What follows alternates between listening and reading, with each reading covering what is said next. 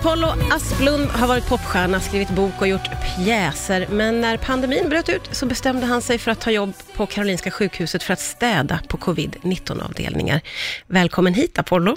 Tack Martina. Nu är vi ju så nyfikna allihopa. Hur kommer det sig att du hamnade där du är nu?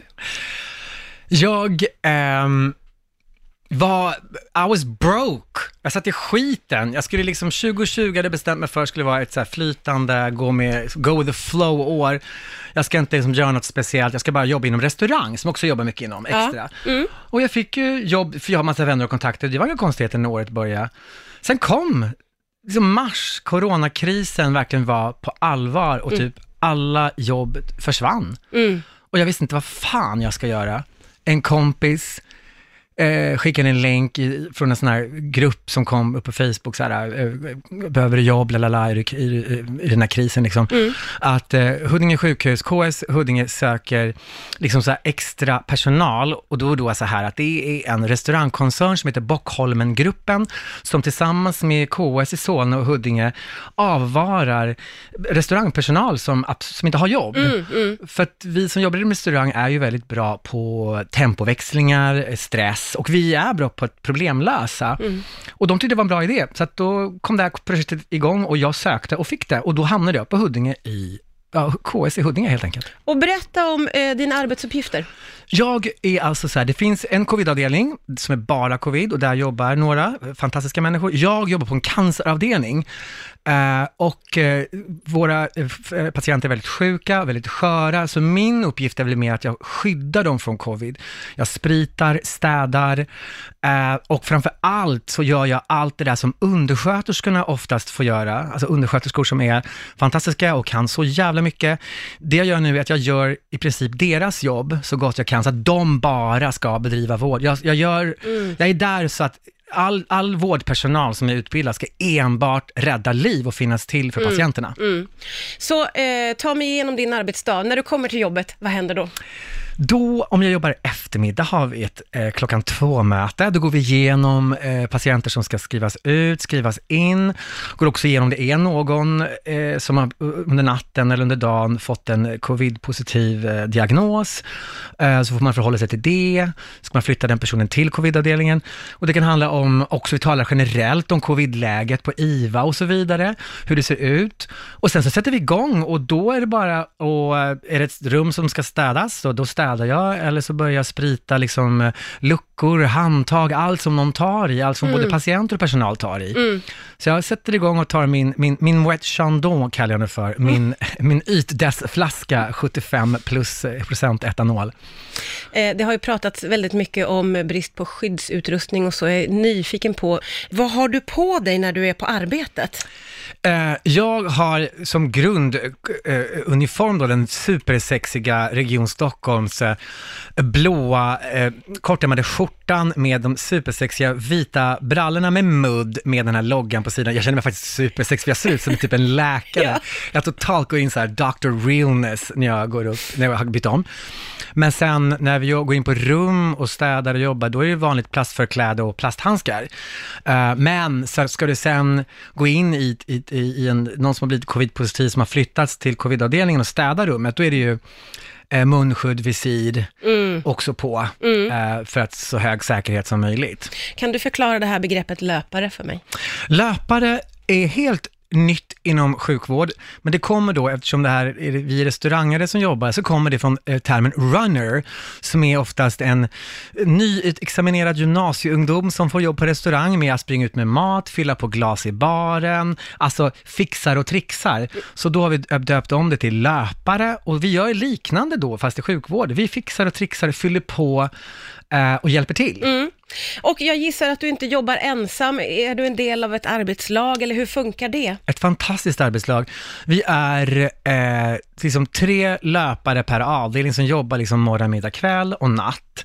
Och sen är vi en också från restaurangvärlden som jobbar i repan, som är som hjälper samordnaren, den som ser till att jag brukar jämföra, vi har världens bästa, Maggan på eh, Huddinge KS, som alltså jobbar på Huddinge, det är hon som alltså ser till att rummen lämnas, fylls på, är tillgängliga. Alltså det är som att hon jobbar på ett galet hotell, där det också det hänger på liv och död. Hon är mm. amazing, men då har hon en av oss som också hjälper henne med att ta emot samtal från anhöriga, från olika eh, delar av sjukhuset, post, op, rehab, bla bla bla bla bla. Mm. Så vi är liksom både i repan och så är vi ute i lokalen och hjälper till.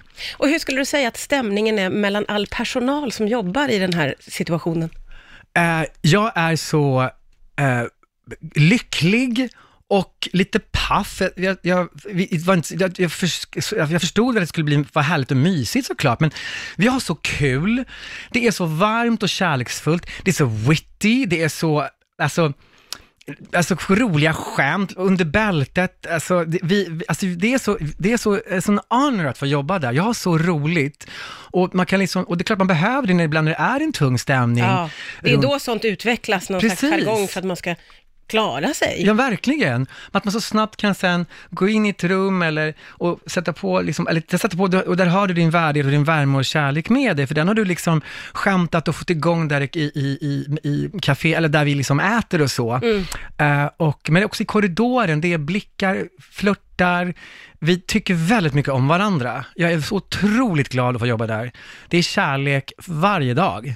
Känns som att det blir nästan viktigare än någonsin att ha det där kärleksfulla, varma, i en sån här situation, eller? Absolut. Våra, när vi har, de som håller i mötet, eh, så här, chefssystrarna som, har, som chefer av avdelningen, mm. de sa framförallt i början när det var som mest pikande med covid, att nu sätter vi alla våra trätor åt sidan, vi måste hjälpa varandra, vi måste vara där för varandra, vi måste tycka om varandra, mm. och det tycker jag verkligen att vi gör. Det är en sån kärleksfull Gud. stämning. Jag blir rörd när du säger det. Vi ska fortsätta prata alldeles strax här. Eh, och jag förstår ju på dig att du känner att det här är ett väldigt viktigt och givande jobb, men jag gissar att du ställs inför svåra situationer. Kan du känna dig rädd eller?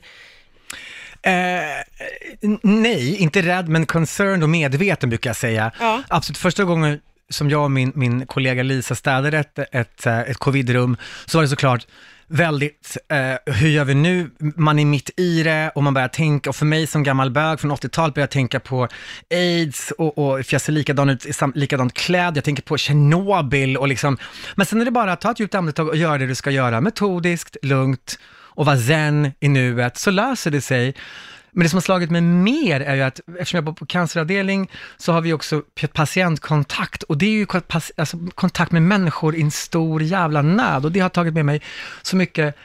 Alltså, jag kan ibland gå hem och reflektera och så börjar jag gråta, fast någonstans av en slags lycka och glädje att livet är vackert. Det var som i, i, i förrgår, en, en kille som är i min ålder, och där redan börjar bli så här, hypokondrin kommer igång, som är jättesjuk, slanger i kroppen. Och liksom jag ska bädda och stoppa om honom. Och jag känner bara så här, han är jätterädd, tittar mig i ögonen, jag känner bara, jag känner mig så futtig, liten och töntig och bara försöker så här, titta på honom och le så här, och jag, så här, mitt leende känns falskt, bara, vem är jag? Och sen när jag stoppat om honom, så tittar han mig i ögonen och så säger han, tack bror. Och jag bara så här, okej, okay, varsågod. Och när jag kom hem och reflekterade och tänkte och så grät jag. Och det är sånt som, och det, och det, men det är bara fantastiskt jävla värdefullt. Mm. Varje dag. Möta människor som, som mitt i all min slang i näsan mm. säger hej när du går in i rummet för att hämta något eller hjälpa till. Det är fantastiskt. Mm. Och sorgligt och vackert, för livet är så. Mm, ja, verkligen. Eh, du var ju inne på det själv nu, men va, vad tänker du på när du kommer hem på kvällarna? Hur landar du i dina dagar liksom? Jag eh, skriver jag skriver dels i, en pappersform, en liten covid-dagbok i sängen. Jag skriver eh, på datorn eh, texter och ibland så delar jag med mig på min Facebook, på min Insta-story, eh, reflektioner, tankar. Eh, eftersom jag också, jag bor själv, har ingen att, reflektera med och jag får mm. väldigt mycket fin feedback från människor och någonstans får jag lyxen att få dela det här med människor och folk uppskattar att få, för många är hemma i en, i en, i en karantän och mm. nu får de ta del av vården mm. på ett mer alltså, gestaltat sätt som författare som jag ändå är. Så att eh, jag skriver och det här kommer säkert att dyka upp någonstans i någon mer komprimerad form eller samlad form. Mm. För att jag, jag skriver och reflekterar i min skrift och, och gråter och, och och, och känner, jag känner. Mm. Det tycker jag hela den, här, hela den pandemin för oss, vi känner. Mm. Vi reflekterar och känner, allihopa. Apollo Asplund, tusen tack för att du kom hit idag och tusen tack för det du gör. Tack Martina.